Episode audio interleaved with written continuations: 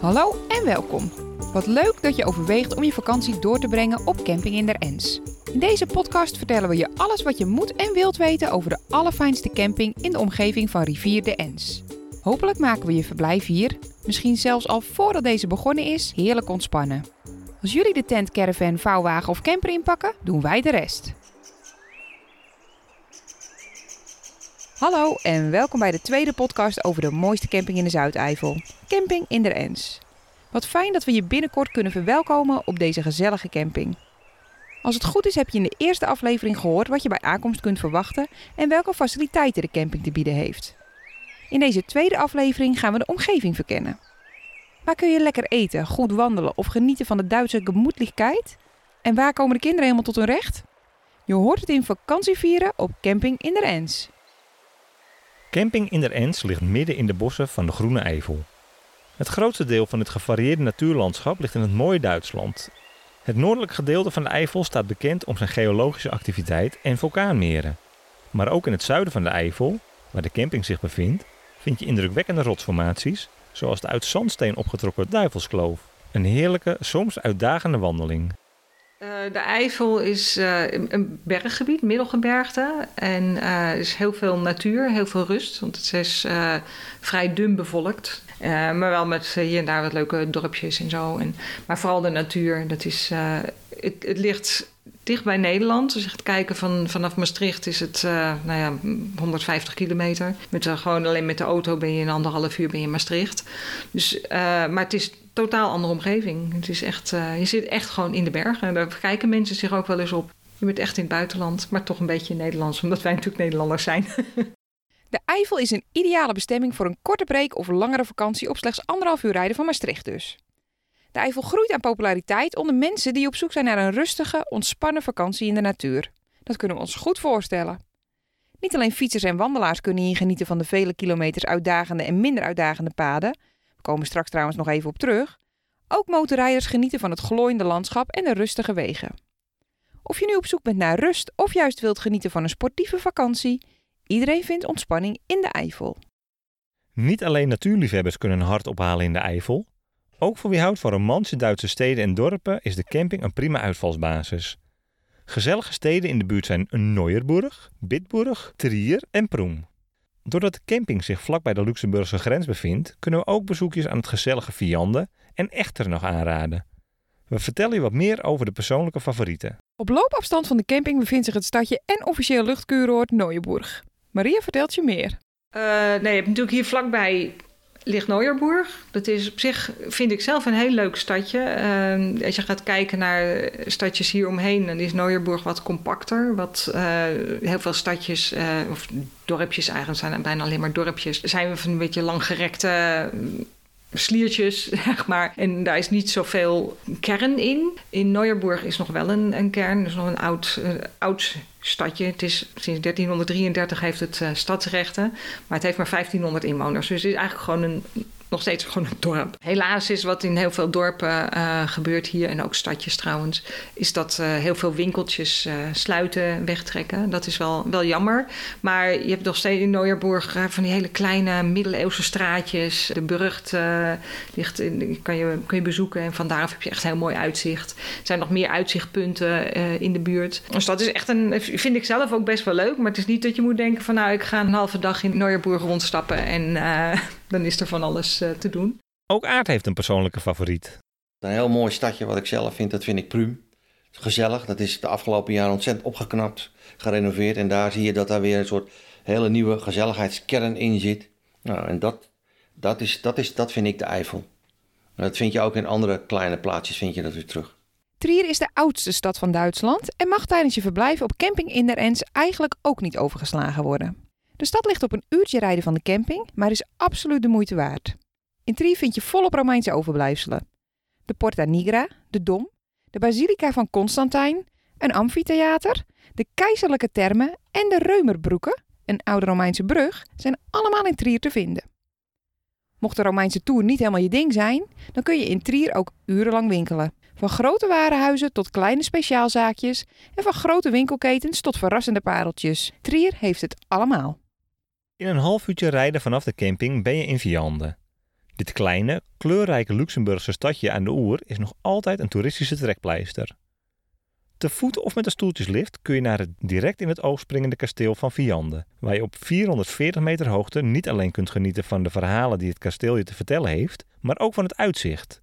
Voor wie moderne techniek en waterkracht interesseert, is een bezoek aan de Stuwdammen de moeite waard. Kinderen kunnen lekker uitrazen in Klimpark Indian Forest, waar je tussen en over bomen kunt klauteren. Meer over kinderactiviteiten trouwens zometeen nog even. Het gemoedelijke stadje Echternach bereik je in ongeveer 35 minuten. Echternach is de oudste stad van Luxemburg en ligt in de regio Mullertaal.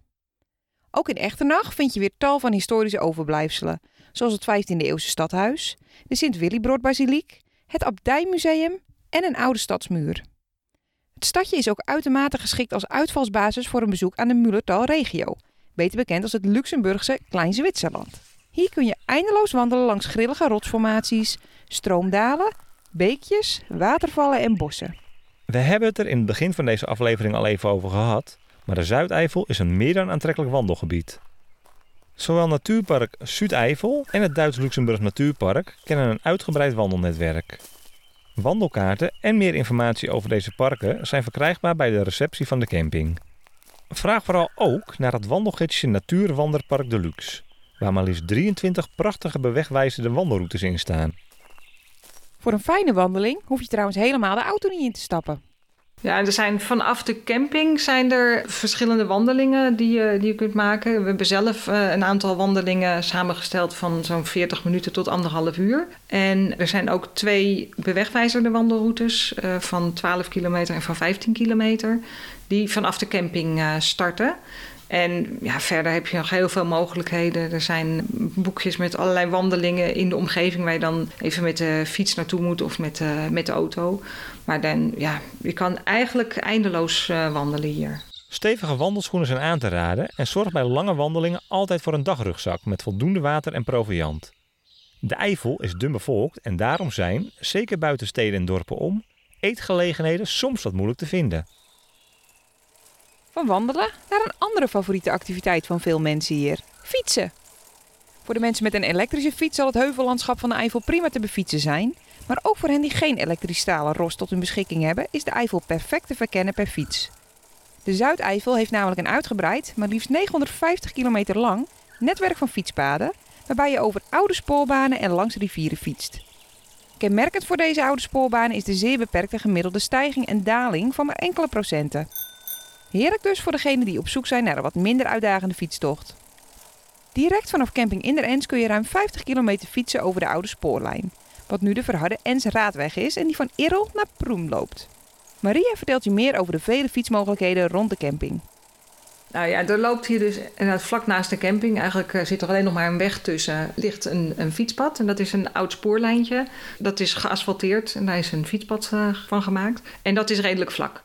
Dus daar kun je, nou, zeker met e-bikes is het, uh, nou ja, zomaar een appeltje eitje.